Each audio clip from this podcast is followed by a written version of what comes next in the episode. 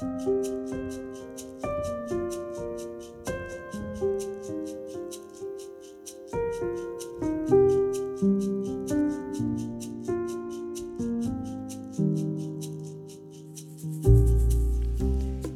jeg sier at vi nå skal snakke om det å være i et åndelig mørke, så vil kanskje assosiasjonene hos dere som hører på, være forskjellige. Kanskje jeg må presisere begrepet med en gang? For jeg snakker ikke nå om det å leve et syndefullt liv langt borte fra Gud. Jeg snakker heller ikke om åndelig mørke, som det å ta et aktivt valg om å leve uten Gud og Jesus i livet.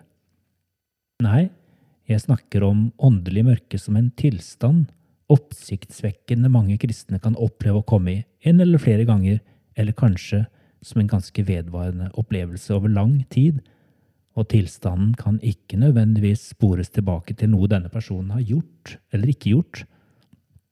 Da mørket traff dem, kan de gjerne ha opplevd å stå midt i et nært og aktivt forhold til Gud og den kristne troen.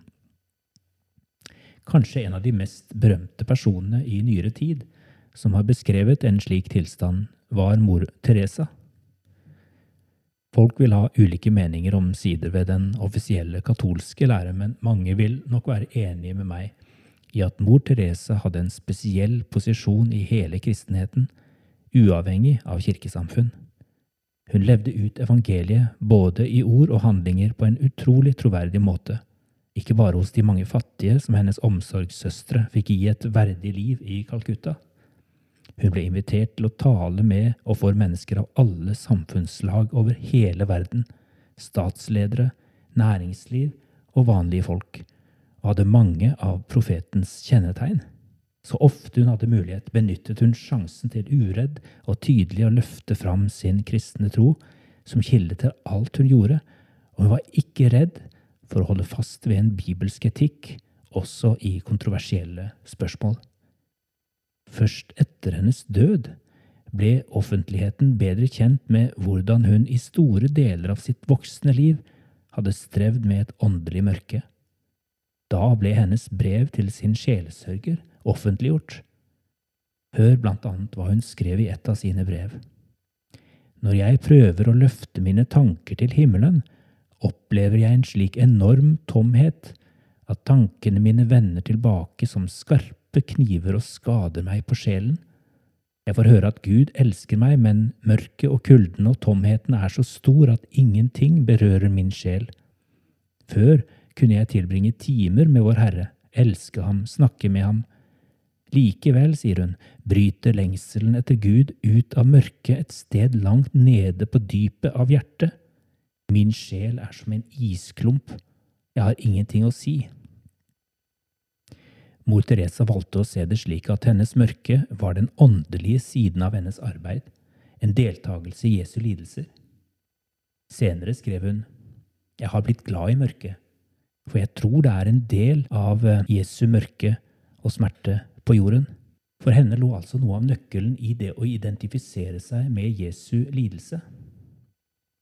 Tidligere har vi brukt kong David som eksempel på en troshelt som levde nær Gud, og også var ydmyk nok til å erkjenne sitt fall. Salme 51 er en nydelig salme om dette tunge øyeblikket i Davids liv. Da sier han, Skjul ditt ansikt for mine synder, utslett all min skyld. Et lignende uttrykk bruker kong David i Salme 13, men da dreier det seg om et ganske annet fenomen enn konsekvenser av Davids synd. Han sier, hvor lenge, Herre, vil du glemme meg for alltid? Hvor lenge vil du skjule ansiktet for meg? Gud skjuler ikke sitt ansikt for Davids synder, her må det være noe annet. Se meg, svar meg, Herre min Gud, gi mine øyne lys, så jeg ikke sovner inn i døden. Her minner det mer om mor Teresas mørke, et mørke forårsaket av faktorer som vi enkeltmennesker ikke ser ut til å kunne bære ansvaret for. Vi bare rammes, litt sånn tilsynelatende uforklarlig. De færreste av oss kan identifisere oss med kong Davids og mor Teresas store bedrifter i livet, og heldigvis er det heller ikke alle som vil si at livskriser, sykdommer eller møter med veggen har ført dem inn i troskriser, der Gud opplevdes helt borte Men det er likevel vanligere enn vi kanskje er klar over. Det kan komme i kjølvannet av en skilsmisse, oppsigelse på jobben, utbrenthet, at en nær venn eller et familiemedlem dør, en kreftdiagnose, en desillusjonerende opplevelse i menigheten, et svik, en knust drøm, et barn på ville veier, en bilulykke, vansker med å bli gravid, en dyp lengsel etter å gifte seg uten å finne den rette, eller bare at gleden i forholdet til Gud tørket ut. I mørket tviler vi ofte på oss selv, på Gud og på menighetsfellesskapet. Vi oppdager kanskje for første gang at troen vår ikke virker sånn som den har pleid. Plutselig er spørsmålene langt flere enn svarene. Det kan kjennes som at hele grunnlaget for troen vår står på spill.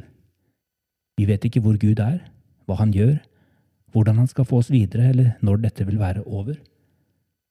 Hvor lenge varer det? For enkelte kan det være over på noen uker. For andre varer mørket opptil flere år. De aller fleste opplever at det lysner før eller siden. For meg var det en rar opplevelse å bare merke at mørket hadde sluppet taket. Jeg var på et nytt sted på reisen, et annet sted enn der jeg var før mørket kom. Jeg forteller disse tingene nå ganske rett fram og veldig forenklet. Sannheten er at veiene, både inn i og gjennom dette, er veldig forskjellige for den enkelte. Har det da noen hensikt å snakke om det som en del av det kristne livet? Mange kommer kanskje aldri til å støte på dette. For meg har det vært utrolig godt at noen har gått foran og alminneliggjort disse erfaringene fortalt meg at om det er aldri så vondt, om jeg kjenner meg aldri så alene i dette øyeblikket, er det mange andre som har vært i et lignende landskap før, og så trenger vi å gi hverandre noen litt store rom å være i. Den som gjennomgår en troskrise, er ganske sårbar. Hun trenger ikke å få alle mulige gode råd og advarsler om hvor mye lenger bort hun nå vil havne, hvis hun ikke snur og finner tilbake til lyset. Men vi kan trenge at noen orker å gå sammen med oss, uten å gå helt opp i oss og våre problemer. Rådet fra åndelige veiledere gjennom kirkens historie er ganske tydelig. Ikke bruk dyrebare krefter på å kave for å komme deg ut av den fasen du er i. Den er over når den er over. Benytt heller tiden til å være oppmerksom til stedet der du er. Kanskje vil livet fortelle deg noe som det ikke har hatt mulighet til på lenge fordi du ikke har hatt tid og anledning i all travelheten, velstanden og de vanlige hverdagene. Uten å romantisere noe som helst vil jeg si det ligger muligheter også i slike perioder. Det kan være en tid for å utforske hvilke verdier livet vårt bygger på, om gudsbildet vi har egentlig samsvarer med Bibelens gudsbilde, hva som er vår identitet i Gud, og dermed også hva som dypest sett bærer og preger vår relasjon til ham. En liten utfordring til oss som står rundt. Å være i et åndelig mørke kan oppleves veldig ensomt. Mange trekker seg vekk fra kristent fellesskap, og noen mister troen. Hva kan vi som fellesskap gjøre for at det å oppleve et sånt åndelig mørke ikke trenger å bety at mennesker forlater troen eller menneskene de har trodd sammen med?